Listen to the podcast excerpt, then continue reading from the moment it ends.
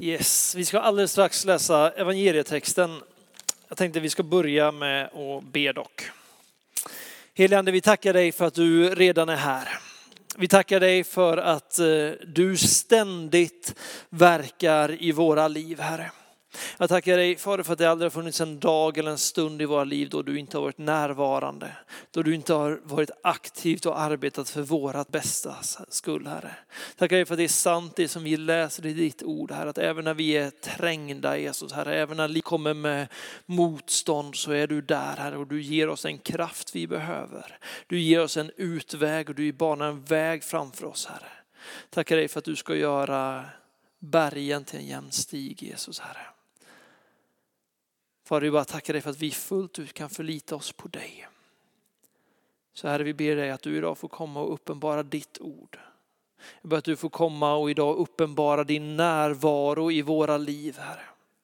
Jag ber för de stunder, vare sig vi är i det nu eller om vi har varit det i det förflutna, Herre, då vi har känt oss ensamma, övergivna, Herre, så har du varit där. Så jag ber att idag får du bara komma och uppenbara din närvaro i våra liv. Jag tackar dig för, för att när vi går ut genom de här dörrarna idag så är du aktiv i vårt liv. Tackar dig för att du verkar i allt och i alla Jesus.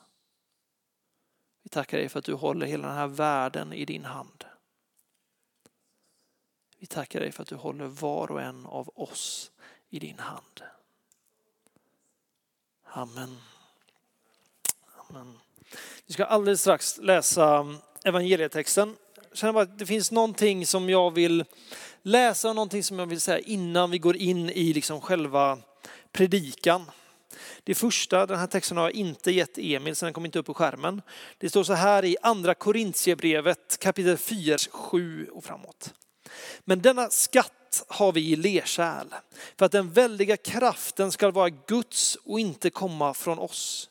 Vi är på allt sätt trängda men inte men inte utan utväg. Rådvilla men inte rådlösa.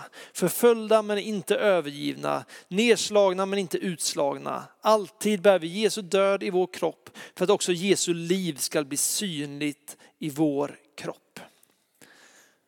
Jag känner bara att den här texten jag tror att de här lerkärlen, det är vi. Och jag tror att ibland måste vi bara påminna oss själva om att vi är på något sätt bräckliga lerkärl. Vi har våra brister, vi har våra prövningar, vi har våra våra strider som vi måste ta. Det är lätt att vi på något sätt glorifierar det kristna livet och vi tänker att om bara Gud är på min sida så innebär det att jag inte kommer ha några problem.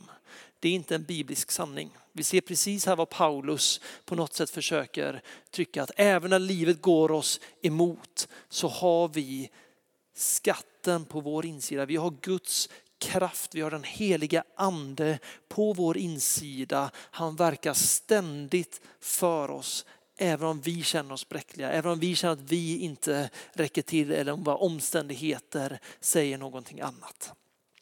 Den andra texten innan vi går in i evangelietexten är från första kapitel 15. Vi kan få upp det på skärmen, Emil.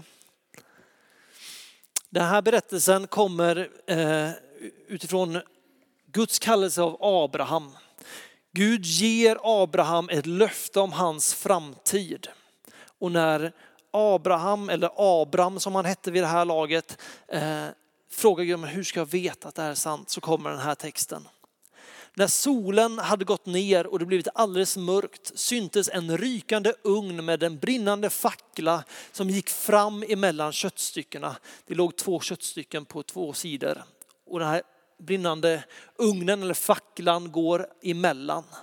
På den dagen slöt Herren ett förbund med Abraham och sa åt dina efterkommande ska jag ge detta land från Egyptens flod ända till den stora floden, floden Eufrat. Det den här texten säger, det här var ett vanligt sätt att ingå ett förbund i gammaltestamentlig tid. Och man, det, det här kontraktet eller det här förbundet, det slöts genom att två olika parter kommer samman och så slaktar man ett djur och delar det på mitten och eh, lägger det på marken. Och sen går parterna emellan Eh, de här köttstyckena och säger att om inte jag håller min del av avtalet så låter det som det har gått med de här köttstyckena som har blivit slitna mitt i tur. När Gud ger sitt löfte till Abraham så låter inte han Abraham gå däremellan. Utan Gud själv, som i det här fallet då gestaltar sig själv som en rykande ugn med en brinnande fackla. Det är Gud själv som väljer att gå mellan de här köttstyckena och säger att om inte jag håller vad jag har lovat, då ska det gå med mig. Det är Gud som säger det. Om inte jag håller mina löften, då ska det gå med mig som med det här djuret. Jag tror att vi alla i perioder har befunnit oss i en säsong i livet där man tänker, vad händer med Guds löften? Vad händer med allt det där som Gud lovar i sitt ord? Och så börjar man känna sig övergiven och man börjar känna sig vilsen och man kanske till och med börjar klanka ner på, på sig själv. Men det som Gud har lovat, det har han all intention till att upprätthålla. När Gud lovar så lovar han på sig själv att det här är vad jag kommer att göra. Abraham går sedan vidare genom livet och väntar och väntar och väntar på att få se löftet gå i uppfyllelse. Han gör många misstag. Han i stort sett säger, ljuger och säger att hans fru är sin syster. En man ska kunna ligga med henne bara för att skydda sitt eget liv.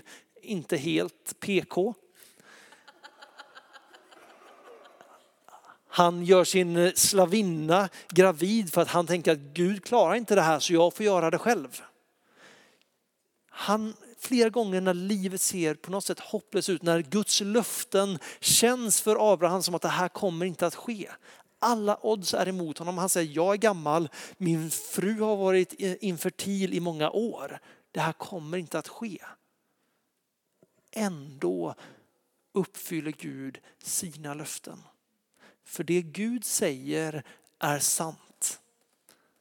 Och det vi måste ta till oss på något sätt är, hur positionerar jag mig själv efter Guds löften? Går jag in i förtvivlan, går jag in och bara tvivlar på Gud och därför går, går bort ifrån den platsen som Gud på något sätt har förberett? Eller tänker jag, det Gud har sagt, det kommer han också vara kraftfull nog att kunna uppfylla. Även om alla mina omständigheter säger någonting annat.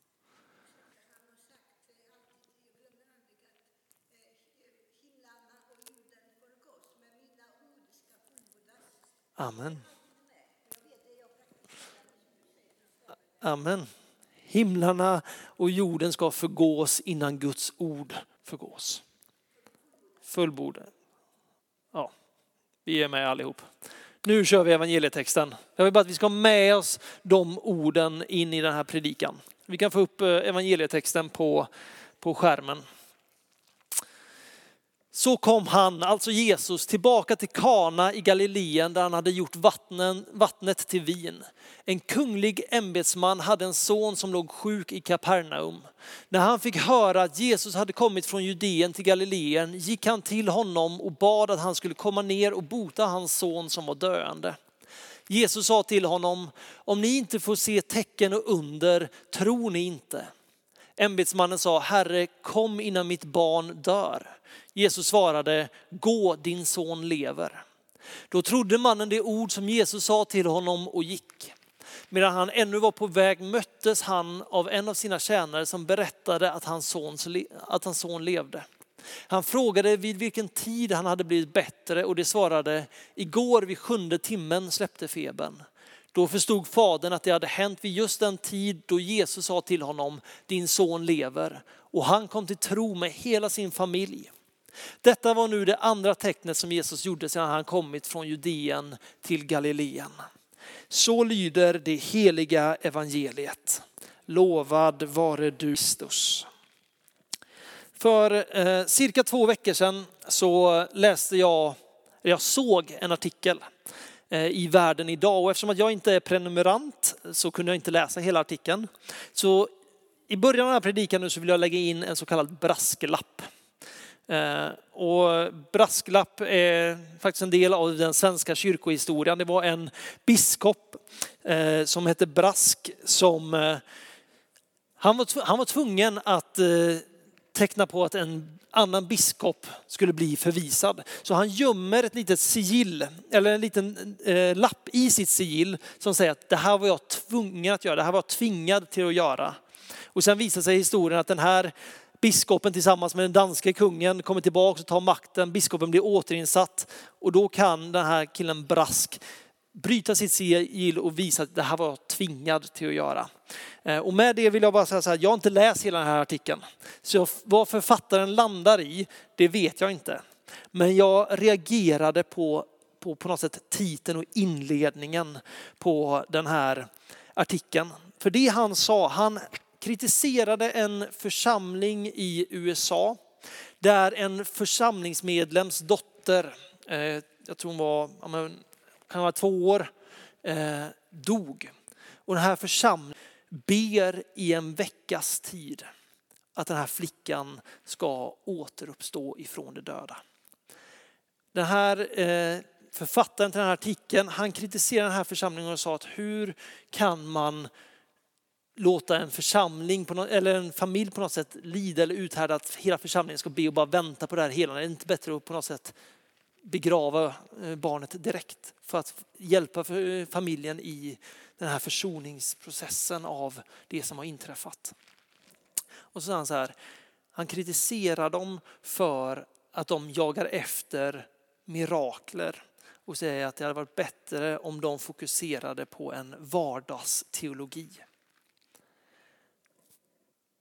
Och där reagerade jag. För vad är egentligen vardagsteologi eller vardagstro?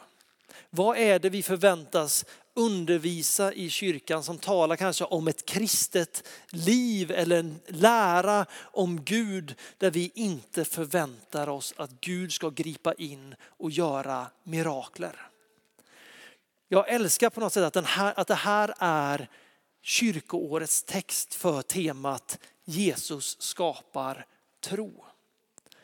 Jag skulle vilja höra många svenskkyrkor predika över den här texten, bara se vad de landar i. Kyrkor som kanske inte fullt ut, jag säger inte det om alla svenskkyrkliga, för det finns jättebra svenskkyrkliga församlingar, men det finns också många som bara så här, predikar man att Gud idag helar. Att Jesus fortfarande är kapabel till att hela, upprätta och förnya människors liv.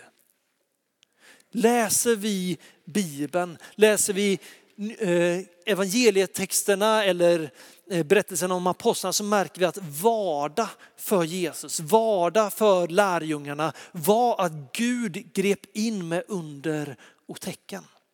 Att Gud gjorde det omöjliga. När vi läser berättelserna från gamla testamentet precis som Eh, gammaltestamentliga texten om den här eh, mannen från det forna landet som kommer till gudsmannen så är det berättelsen om hur Gud griper in och gör någonting övernaturligt.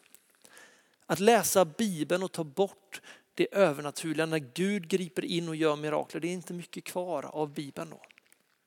Jag såg en gång en, ett avsnitt på Discovery Channel där det var några forskare som hade byggt upp en sandmur så, som skulle vara så lik Jerikos murar man bara kunde komma. Och sen undersökte de hur starka ljud krävs det för att få de här murarna att falla. Därför det de på något sätt ville testa då, hur högt behövde israeliterna skrika för att muren skulle kollapsa? Det är där vi landar om vi börjar prata om en teologi, alltså en lära om Gud eller ett kristet liv där vi inte förväntar oss att miraklernas Gud griper in.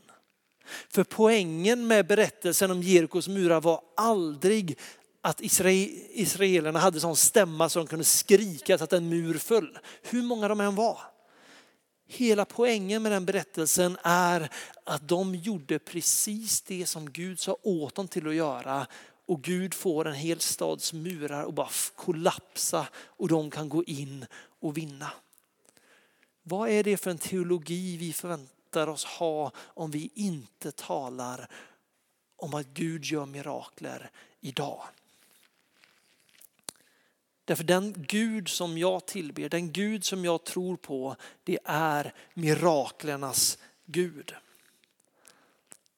Jag tror det är så här att om, om inte jag ber för några sjuka så tror inte jag att jag kommer få se många sjuka bli helade. Om jag inte ber för många döda så kommer jag inte få se någon uppstå ifrån de döda. Och det är tråkigt. Men oavsett det, jag tror att om vi, för det är på något sätt där vi aktivt väljer att kliva ut i tro. Men jag tror att så länge vi tror på Jesus så lovar jag dig att Gud gör mirakler i ditt liv. För bara ett par månader sedan här så kommer det en församlingsmedlem till förbön och bara berättar att jag sitter i en omöjlig ekonomisk situation. Jag vet inte vad jag ska göra, det, det finns ingen lösning på det här problemet. Vi bad, vi la det hela i Guds händer och vi sa att Gud, du är den Gud som förser. En vecka senare kommer samma person tillbaka och är överlycklig och säger jag har fått skuldsanering. Om fem år är jag skuldfri. Det är på något sätt det är ett enormt mirakel för honom. Så många av oss som bara skulle kunna säga att ah, det där är bara en tillfällighet eller det hade vem som helst kunnat få. Det kommer andra historier från församlingen om människor som har haft trasiga familjerelationer där allting har sett hopplöst ut. Och man ber och man hoppas på Gud och helt plötsligt så är det någonting som börjar vända, någonting som börjar att förändras. Därför det är miraklernas Gud vi tror på. Varje människa som har blivit har mött miraklernas Gud. Därför det är bara Gud som kan ge oss frälsning. Det är bara han som på riktigt kan ge oss en tro som behagar honom, som gör att vi får ett förvandlat liv. Hebreerbrevet 12.2 säger att Jesus är trons upphovsman. Det är bara genom honom som vi kan liksom få en tro, få en ny relation med Gud. Hur kan vi förvänta oss att vi ska se människor komma till tro?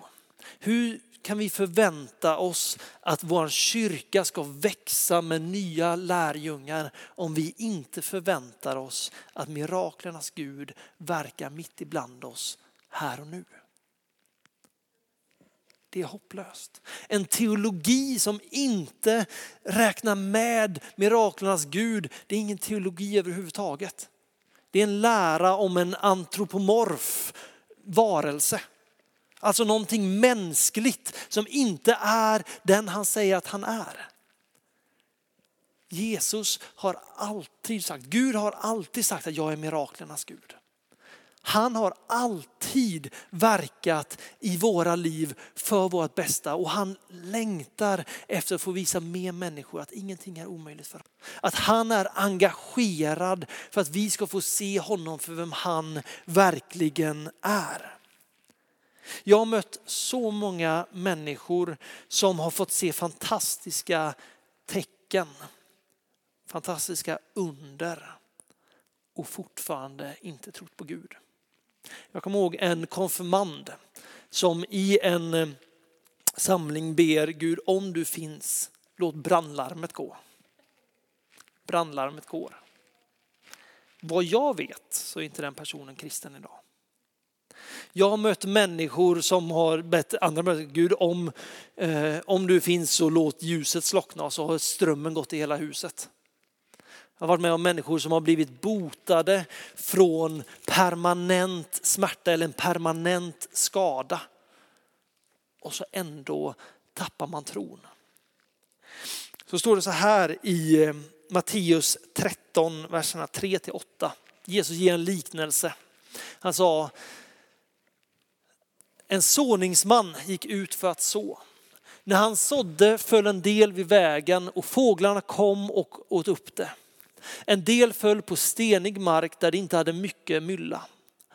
Och det kom upp snabbt eftersom det inte hade djup jord. Men när solen steg, steg sveddes det och eftersom det saknade vissnade det bort. En del föll bland tistlar och tistlarna sköt upp och kvävde det.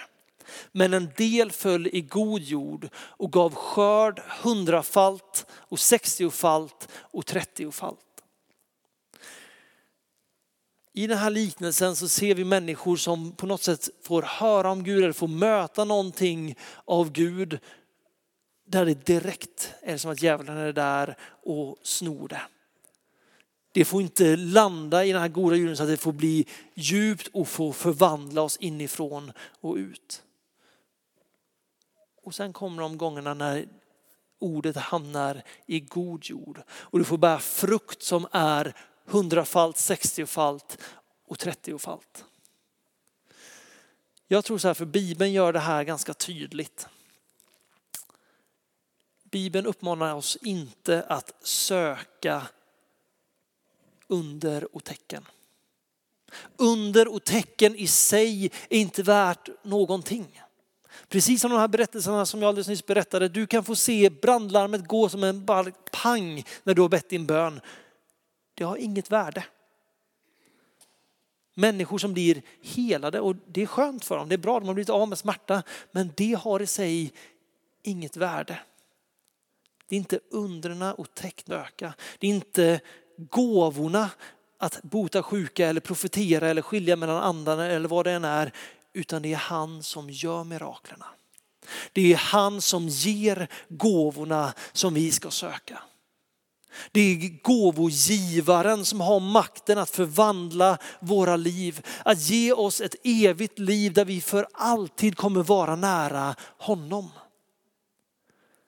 Men samtidigt är Jesus tydlig med att när vi är nära honom, när vi söker honom så kommer vi få se under och tecken.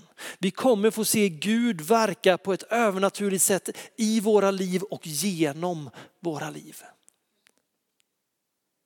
Den här mannen i evangelietexten, han får höra att hans son har blivit helad. Han inser att det är Jesus. Och vad leder det till? Det, tror, det får honom att tro att Jesus är Guds son. Jesus är den han säger att han är. Och det är den insikten som förvandlar oss. Det är insikten om vem Jesus är som är någonting som har riktigt värde. Någonting som har ett evigt värde. Det andra är häftigt. Det tycker jag alla dagar i veckan. Det är fantastiskt att se någon som har brottats med smärta få gå fri. Men i evigheten, då alla människor går fria från smärta, vad är det som har spelat någon roll? Jo, men det handlar om vart är ditt hjärta? Tror ditt hjärta att Jesus är Guds son? Har du gjort honom till Herre i ditt liv? Men det är miraklernas Gud vi tjänar. Och vi ser det genom Jesu liv, vi ser det genom eh, apostlarnas liv, vi ser det genom den första församlingen. Att Gud älskar att uppenbara sig genom sin kraft. Anledningen till att jag började läsa de här andra texterna därför jag vet att det är många av oss som kan sakna det där miraklet i våra liv. Det är många av oss som kanske befinner oss i en situation där vi ser att det här löser sig inte och så blir man, på engelska säger man discouraged, som man på svenska man säger uppgiven, missmodig. Missmodig är nog ett bättre ord. Det största miraklet har redan skett. Det största miraklet är att du har tagit emot Jesus på din insida att ditt namn blir skrivet i livets bok. Att han nu ropar ut att du tillhör mig. Det här är min son, min dotter. Det är det största miraklet. De andra miraklerna, eller det, som, det får vi helt enkelt tro honom för vad han har sagt. Har han sagt att det här är min vilja, då får vi tro på honom. Då får vi fortsätta tills den dagen hans löften går i uppfyllelse. Jesus är den som skapar tro. Det är ingen som blir frälst bara för att man ser något fantastiskt oförklarligt övernaturligt. Man blir frälst när den heliga ande lyfter det där skynket från våra ögon och vi ser Jesus för vem han verkligen är. Vi kan inte komma på en enbart logisk position till platsen att det här är sant. För man kan köpa argumenten så är det när den heliga ande lyfter skynket från våra ögon, från vårt hjärta och vi får uppenbarelsen om vem Jesus är.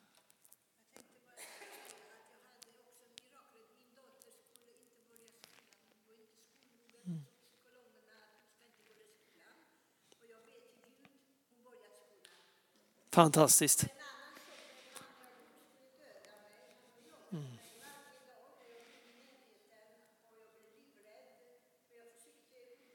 Mm.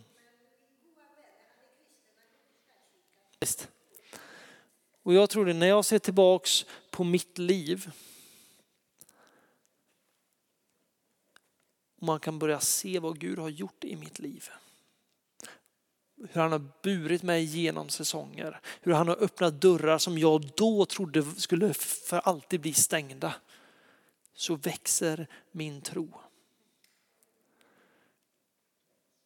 Jag tror jag berättade det flera gånger, men när jag var i Indien så skulle vi ut på missionsresa. Vi hade hälften av pengarna som vi behövde. Men vi sa vi tror att Gud har kallat oss till de här platserna, så vi åker. När vi är på flygplatsen i Delhi på väg till eh, Kathmandu i Nepal så får vår ledare ett samtal som resulterar i att halva den budget som vi hade satt upp, att den halveras. Så det innebär att när vi väl kom tillbaks till våran bas i Indien, då spenderade vi våra sista pengar på fika. Vi hade precis så vi klarade oss tills vi kom tillbaka. Vi åkte trots att vi bara hade hälften av vad vi behövde.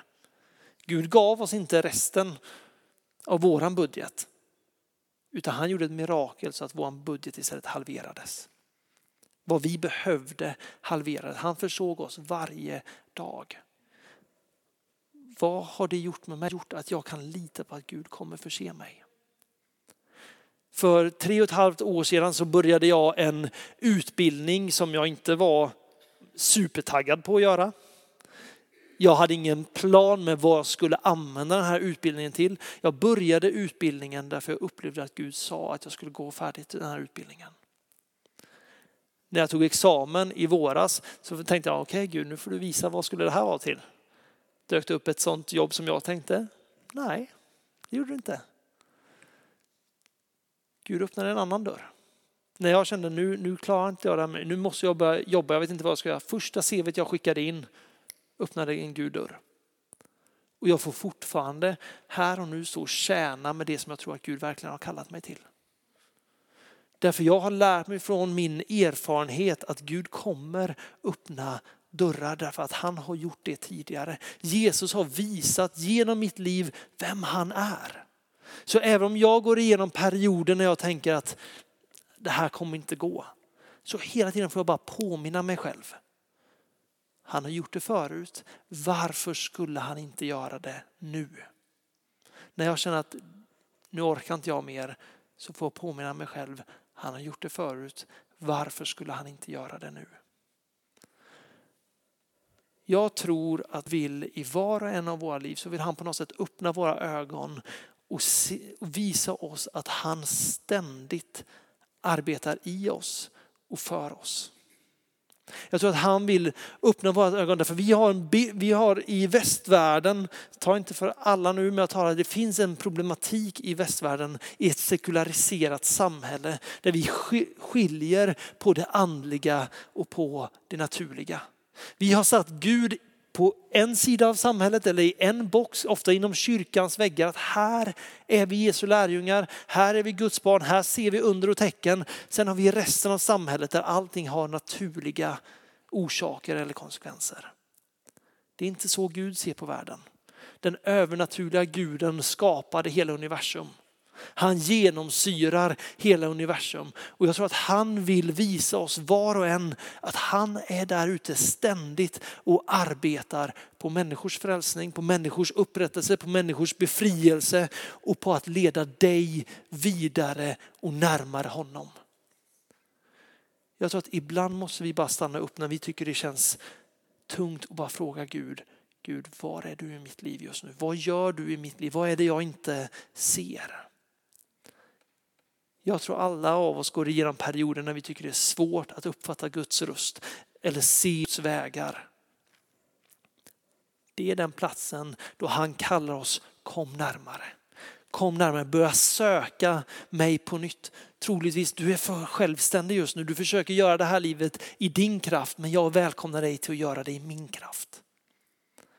Vi måste börja stanna upp och se var är Gud? Vad gör han i våra liv just nu? För jag lovar er, då blir vardagen mycket mer spännande. När vi börjar förstå vad det är han jobbar för, vad det är han vill göra. Då kommer det inte finnas tal om en vardagsteologi där miraklernas Gud inte är aktiv. Det handlar inte om under, det handlar inte om tecken, utan det handlar om att Gud är närvarande mitt ibland oss nu. Och där Gud är närvarande så är det omöjligt för vissa murar att stå fasta. Det är omöjligt för vissa dörrar att stå fasta. Därför att ingenting är omöjligt för Gud. Men allt för ofta så fäster vi blicken på vart vi är just nu utan att lyfta blicken och se vem säger Gud att han är?